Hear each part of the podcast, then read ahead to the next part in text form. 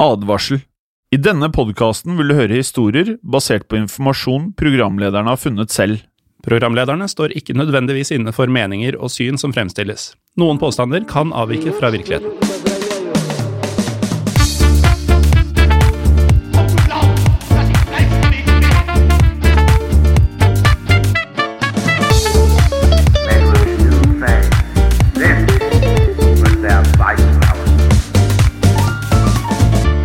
Velkommen, kjære lyttere, til nok en episode av Historiepodden andre verdenskrig, også kalt på folkemunne Historiepodden WW2.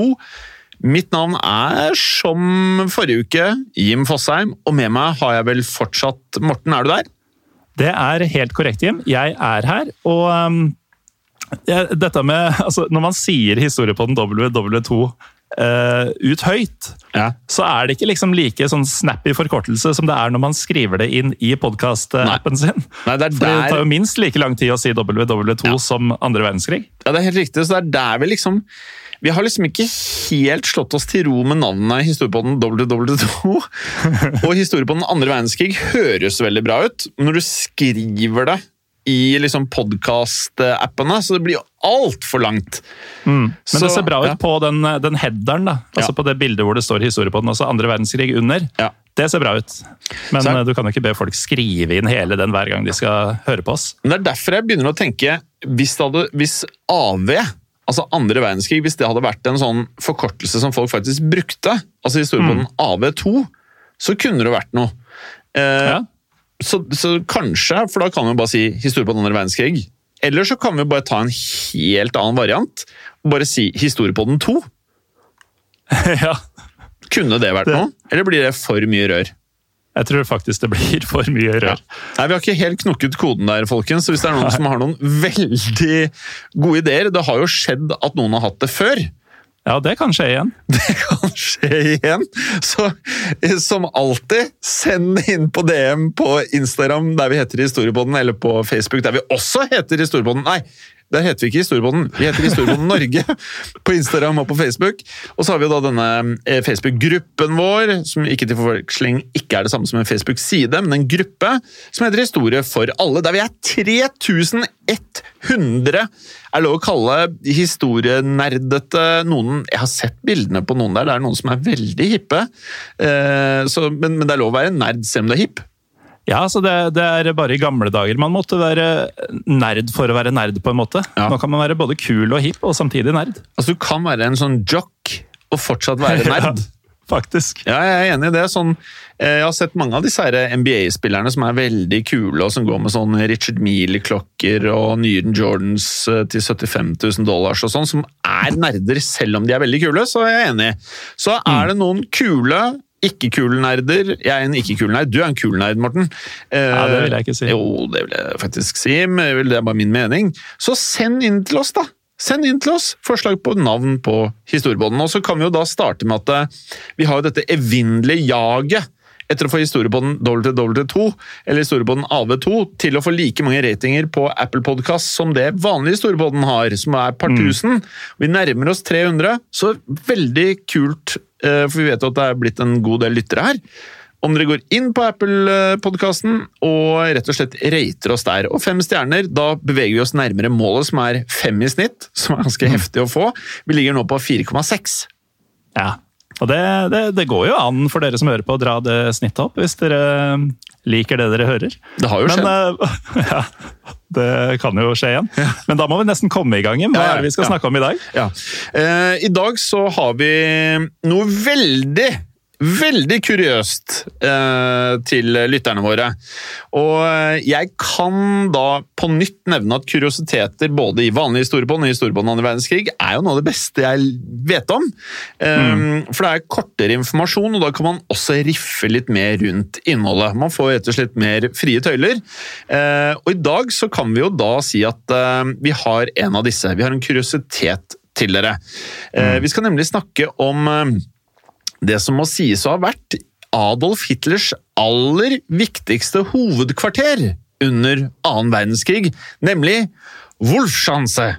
Wolfschanze! Wolfschanze, eller på norsk ja, Eller på norsk Noe som igjen høres veldig traust ut sammenlignet med engelsk og, og tysk. Ulvehie. Eller det er jo ikke så ille, jeg har hørt verre, men ulvehie er da Wolfschanze på norsk. Ja, det har en egen klang på tysk, altså. Selv om det ikke er så ille på norsk, så, så kunne det vært en barnebok. Det kunne Ja. ikke Wolfschanze vært. Nei, det kunne det ikke vært. Eh, kanskje skal vi rett og slett kalle episoden Wolfschanze, altså skrive på tysk, ikke Ulvie? Vi gjør det. Ja, vi gjør det. Nå tok vi den beslutningen på direkten, vi nå.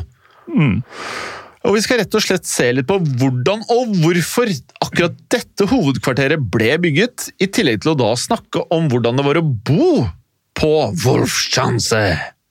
Ja, for bakgrunnen til at Wolfschanze ble bygget, er litt kompleks. Det aller første som må sies, er at Hitler hadde en eh, ganske spesiell posisjon sammenligna med de fleste andre statslederne under krigen. Akkurat den delen er jo ikke så vanskelig å skjønne. Men Hitler var nemlig ikke bare sjef for Det tredje riket, han var også krigsminister. Og fra 1941 var han også øverste leder for den tyske hæren. Dette gjorde at han hadde litt problemer med å finne ut hvor han egentlig skulle og burde befinne seg til enhver tid. Ja, det er helt riktig, for som statsleder var det jo naturlig at han da styrte landet og oppholdt seg i hovedstaden Berlin. Men tradisjonelt sett så oppholdt jo sjefen for militæret seg nær der troppene han skulle lede i kamp befant seg. Og Grunnen til at dette var eh, praksis, var så enkel som at det ikke fantes gode måter å kommunisere med soldatene på over lange avstander. Og for dere kids som sitter og hører på dette her, og vi vet det er mange kids som hører på dette her Kids det føler jeg er litt sånn en nerd, det var sånn man sa for fem år siden. Men Ja, men ganske unge folk, da. Som ja, kanskje ikke har opplevd en verden uten internett, og kanskje snart ikke en verden uten smarttelefon heller. ja. Så er er det jo sånn. Ja, så jeg og en av produsentene på huset, eh, Håkon, jeg har en eh, Apple Watch, og på Apple Watchen så er det en sånn eh, ja, så Det er bare en knapp som eh, rett og slett går på gammel walkietalkie-teknologi satt i eh, en moderne pakning. Trykker på knappen, og så uavhengig av hvor han er, så prater jeg inn i telefonen, så, nei, eller i klokken, og så hører han akkurat det jeg sier. Så enkelt og basis har den type kommunikasjon blitt, men på denne tiden så var det absolutt ikke slik. Nei, altså en, en ting de faktisk drev med der, som man kanskje bare har sett i tegnefilmer og ikke vet var ekte, det er jo brevduer. altså, du knøyt brev til en fugl og sendte den av gårde. Det var liksom Og den skulle da komme fram til et gitt sted. da. Det Ja. var en av de mer sånn ja, høyteknologiske, eh, effektive måtene å sende informasjon over avstander på den tiden. Ja, og vi har jo hørt om at eh, delfiner, blekkspruter, hunder har blitt trent opp til å krige, og de har også blitt trent opp til å da viderebringe informasjon. Så det er mange forsøk på å være tidlig ute som et alternativ til Apple Watch. Men uansett, Hitler han løste dermed denne problemstillingen med å bygge flere ulike hovedkvarter over hele Tyskland. Rett og slett alle steder der det fantes tyske tropper. Ja, og etter at Frankrike hadde kapitulert i 1940, så hadde Hitler eh, lyst til å lede et angrep mot Sovjetunionen. Og Derfor så trengte han et nytt hovedkvarter i øst, i, eh, altså øst i Tyskland, som han kunne lede soldatene sine fra, og dermed ble bygginga av eh, Wolfschanze påbegynt. Og Dette hovedkvarteret det ble lagt til et eh, skogområde like utenfor eh, byen Rastenburg i Øst-Prøysen, som i dag ikke er i Tyskland i det hele tatt. Det er den polske byen Kettersyn. Å ja. Og kjenner jeg deg rett, så har du på en eller annen måte en eller annen link til Kettersyn? Det har jeg faktisk ikke. Nei. Eh, Ikke denne gangen, Jim. Meget Men, overraskende. eh, Ja, vi, vi kommer nok innom steder i podkasten senere. Ja da. Eh, kanskje ikke i dag, men i eh, framtiden. Ja. Hvor jeg har vært, eh, vært innom. Ja, ja, ja. Uansett, det var faktisk Hitler selv som bestemte at navnet på hovedkvarteret skulle være Wolfschanze. Og dette gjorde han rett og slett fordi han tidligere ofte hadde tatt i bruk pseudonymet Wolf på seg selv. Selvfølgelig. Ja. Og ulven selv, altså Hitler, var også svært delaktig i å bestemme plasseringen for dette nye hovedkvarteret, og plasseringen var alt annet enn tilfeldig, slik det vanligvis var med nazistene. Ja, for uh, Ulvehiet, eller Wolfschanze, ble bygget uh, et godt stykke inn i en veldig tett skog. Og dette gjorde at anlegget hadde en naturlig kamuflasje, og da spesielt fra lufta. Uh, de tette trærne gjorde det nemlig helt umulig å få øye på anlegget fra lufta, noe som selvsagt var svært fordelaktig for Hitler og for tyskerne. Og I tillegg til dette så lå det også jernbane og flyplass like i nærheten. Ja, og tilgangen på jernbane gjorde da byggeprosessen selvfølgelig mye enklere, fordi de da hele tiden kunne få tak i materialet uten altfor store anstrengelser. Så tilgangen til flyplass gjorde også at Hitler lett kunne komme seg til og fra Wolfschanze uten noen form for problemer. Så Hitler bestemte også at det skulle settes opp flere administrative poster i området rundt ulvehiet, slik at han til alle tider hadde full kontroll på situasjonen i Tyskland. Og Det ble derfor satt opp eh, administrative poster for Hæren, for flyvåpenet og for Utenriksdepartementet utenfor selve hovedkvarteret. Hitler var likevel opptatt av at disse postene skulle befinne seg såpass langt unna at det ikke skapte mistanke om at det fantes et hovedkvarter i området.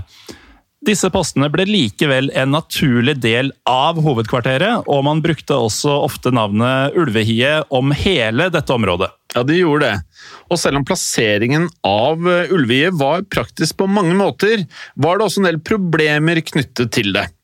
For soldatene som var utplassert inne i Wolfschanze, likte spesielt dårlig at det svermet eh, av alle ting insekter inn i denne tette og også utrolig varme skogen. Og spesielt så hadde de problemer med store mengder mygg. Så det er litt vanskelig å se for seg her de der gale nazisoldatene, og så var det noe som mygg et Ja. stort problem. At de er så disiplinerte og strukturerte, altså strømlinjeforma hele hæren der. Um, og så bare driver de og klasker mygg og irriterer seg over det. og Ja. Skeis, liksom. Altså, De gikk jo i perioder her uten uh, vinterklær på den russiske vinteren her i, i lang, lang tid, og så var det mygg her som var et problem. Og Wolfschanze fikk i hemmelighet kallenavnet Munkenheim, og som da oversettes til Mygghjemmet. Og Münkenheim var da det alle soldatene kalte Wolfschanze. Det var eh, heller ikke bare soldatene som irriterte seg over eh, myggen i eh, Wolfschanze. Også Hitler begynte etter hvert å bli kraftig lei av alle insektene, og prøvde derfor å løse dette problemet. Og han beordret da at det skulle helles parafin i elvene rundt hovedkvarteret. Og det funka for så vidt. Det tok faktisk også livet av de fleste myggene. Problemet var at eh, denne parafinen den tok også livet av alle froskene i området. Ja. Så alle var egentlig veldig lei myggen. Og dette trengte jo for så vidt ikke å være et problem i seg selv at froskene ble borte. Men for Hitler var dette likevel veldig problematisk, for Hitler mente nemlig at eh, kvekkingen fra disse froskene hadde hatt en beroligende effekt på han selv.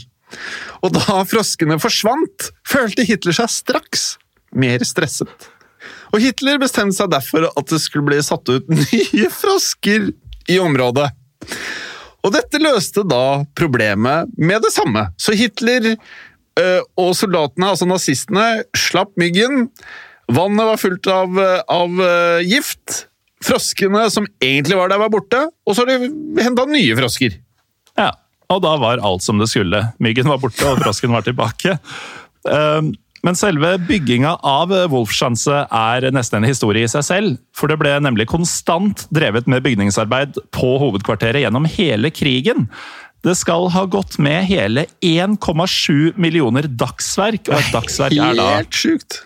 ja, Hva vil du kalle et dagsverk, Jim? En En arbeidsdag? rett og slett? Arbeidsdag. Ja. Så 1,7 millioner hele arbeidsdager Ja. på å lage Munkenheim! Ja, så la oss si at det er eh, 83 mennesker på en arbeidsplass. Eh, Det er en arbeidsdag 83 dagsverk, for at folk skal skjønne hvor mye 1,7 millioner dagsverk er. Um, Men eh, da forstår man kanskje også at eh, det var en del bygningsarbeidere som jobba på stedet for at dette her i det hele tatt skal kunne gå opp. Ja. Eh, man kunne jo faktisk kalt Münchenheim eh, for Froskenheim. Ja, etter hvert så kan det jo godt hende at det ble sånn. Ja, For hver dag jobbet konstant da flere tusen arbeidere med å ferdigstille Froskenheim og utbedre Ulvie som hovedkvarter. Og det ble hele tiden bygget eh, flere bygninger, slik at enda flere folk kunne oppholde seg i området. Og Grunnen til at det også tok eh, såpass lang tid å bygge disse bygningene, var at Hitler selv var ekstremt opptatt av at de skulle være solide og sikre, og det føler jeg er veldig sånn nazistene var opptatt av alle sammen. Ja, og dette med sikkerhet kommer det litt om her, for Wolfschanze det besto av flere bunkere, i tillegg til vanlige brakker bygget av tre. Og Det fantes rundt 40 brakker på stedet, i tillegg til 47 stålbetongbunkere der sju av disse 47 var ekstremt massive. Og faktisk så hadde disse sju bunkerne de hadde tak som var ti meter tjukke. Altså taket var ti meter Ja, det ble jo ti meter høyt, da. um, og dette ble selvsagt gjort for at det skulle være umulig å ødelegge dem i et eventuelt luftangrep. Altså, det taket var fem av deg. ja. Uansett, mer om uh, Froskenheim og hvordan det ble konstruert, skal vi da snakke mer om etter en kort reklamepause. Velkommen tilbake til denne ukens kuriositet her i historiepodden andre verdenskrig. Før pausen så snakka vi om hvordan Hitlers hovedkvarter Ulvehie, eller Froskehjemmet som Jim har omtalt det som, ble konstruert med en rekke forskjellige solide bunkere og bygninger, og Det var svært viktig at flere av disse bygningene var så solide at de ikke kunne ødelegges i et potensielt eh, luftangrep. Ja, det er helt riktig det, men solide bygninger var likevel ikke nok for Hitler. For eh, Hitler han ønsket at dette hovedkvarteret her skulle være umulig å bryte seg inn i. Og dermed så var sikkerheten rundt eh, må jo kunne si at ekstremt er egentlig et mildt ord. For Ulvehiet var nemlig omringet av 50 meter bredt minefelt, i tillegg til strømførende piggtrådgjerder og vakttårn. Og også innenfor disse sikkerhetstiltakene Morten, så fantes det ytterligere sperringer. Ja, og jeg merker Det begynner å skurre litt for meg her, fordi vi snakka tidligere om at det var viktig for Hitler at det ikke skulle oppdages at det var base der. Ja. Eh, at det var derfor man bygde det i skogen, og at man skulle prøve å holde disse andre institusjonene litt unna, sånn at det ikke skulle oppleves som en base av folk som eh, kom forbi.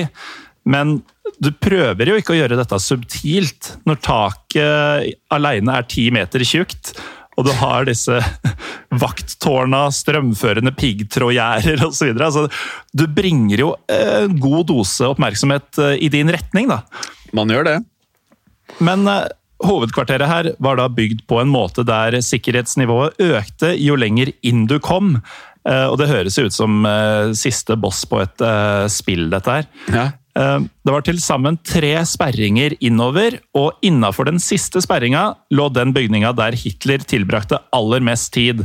Og Det var også plassert flere luftvernkanoner inne på området, som da skulle beskytte mot potensielle fiendtlige flyangrep. Ja. Eh, så det er liten tvil her om at Hitler satset på ekstrem pluss sikkerhet mm. rundt dette hovedkvarteret her. Det er også eh, slik at eh, han følte at dette var viktig for en veldig god grunn.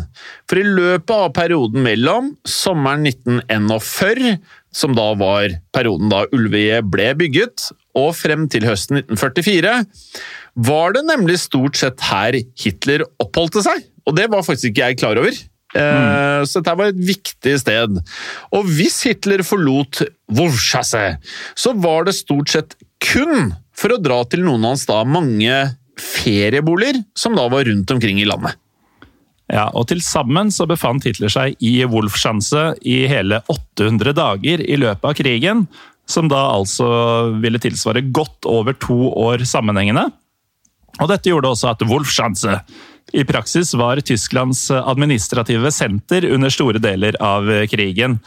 Hitler ønska da også å forlate dette hovedkvarteret så sjelden som overhodet mulig, og hvis han måtte snakke med noen, så inviterte han dem stort sett dit.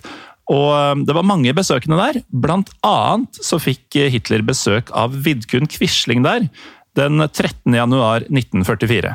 Det var vi heller ikke klar over. Og Hitler hadde også selvsagt sin egen private leilighet i Wolfschanze.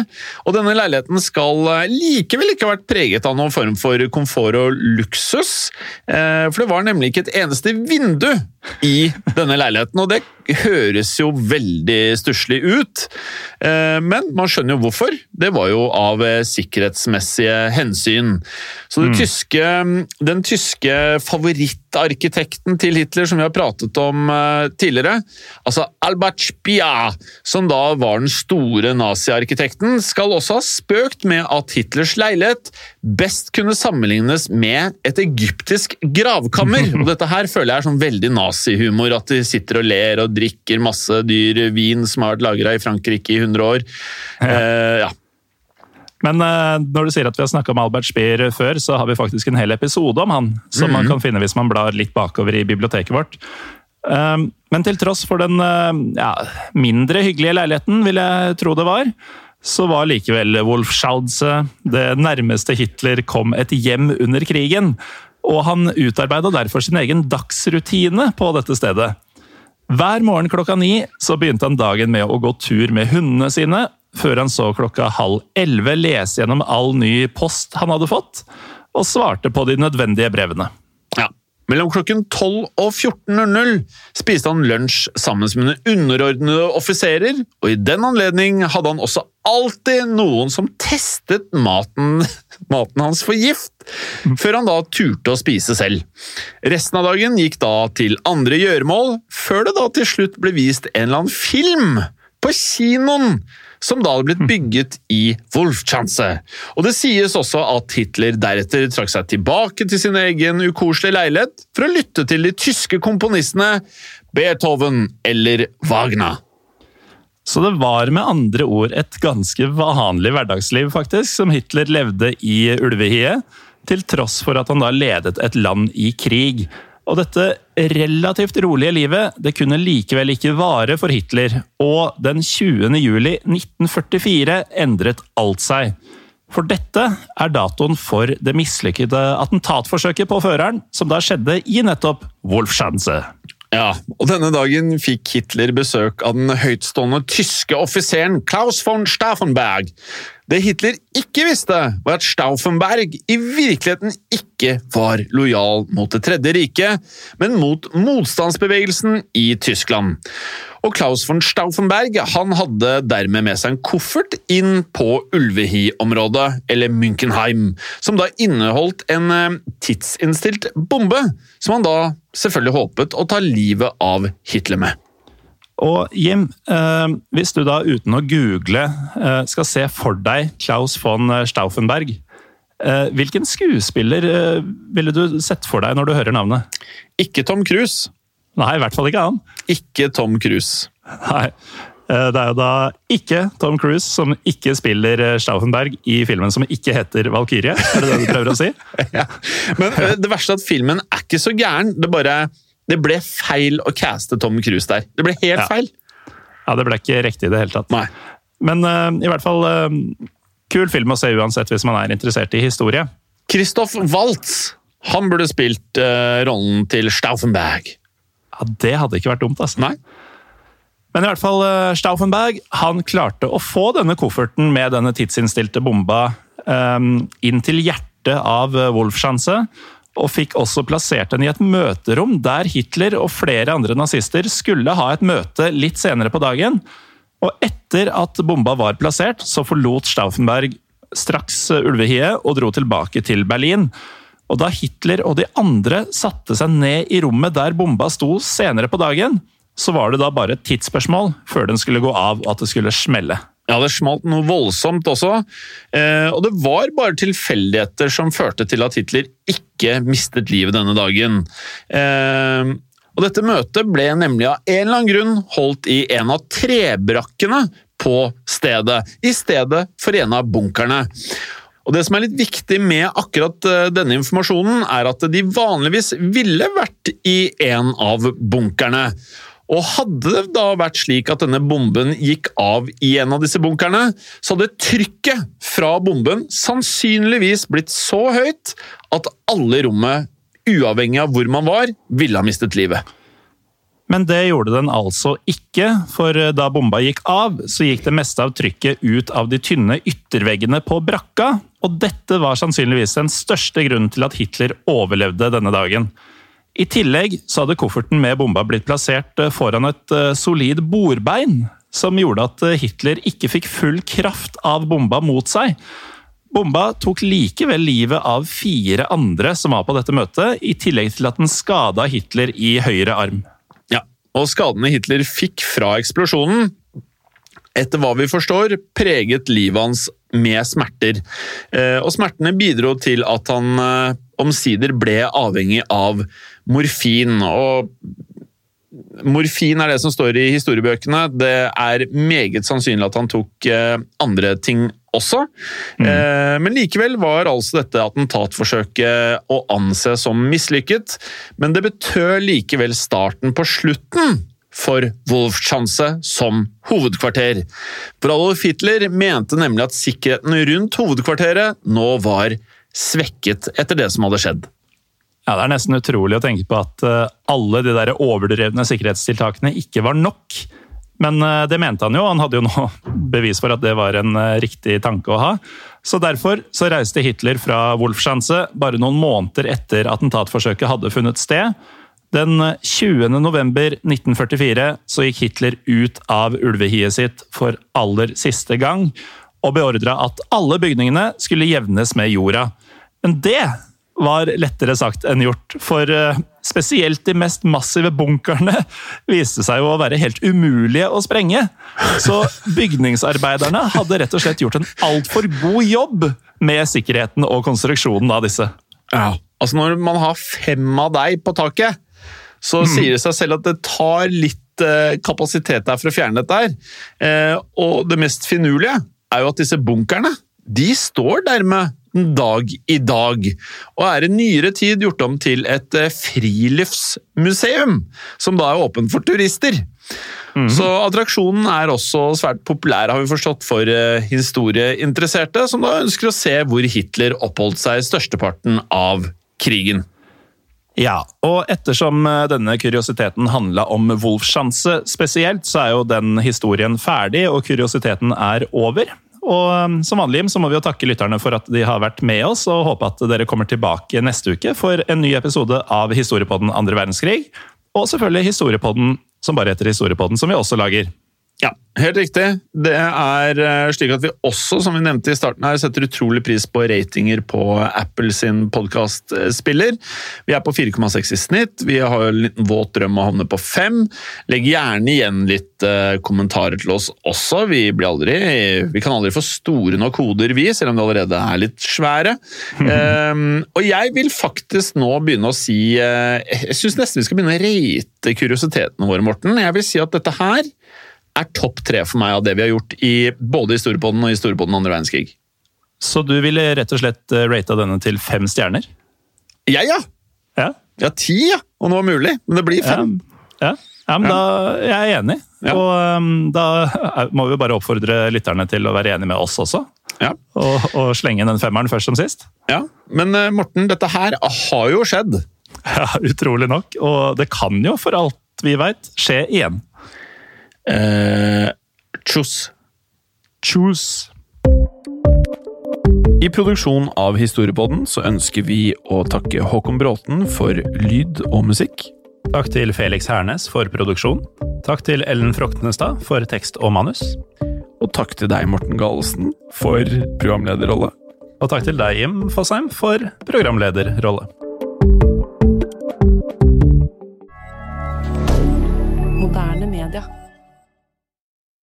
Kiwi er billigst i VGs matbørs og har vært billigst i fire av de fem siste VGs matbørser. Og nå presser vi prisene på frukt og grønnsaker.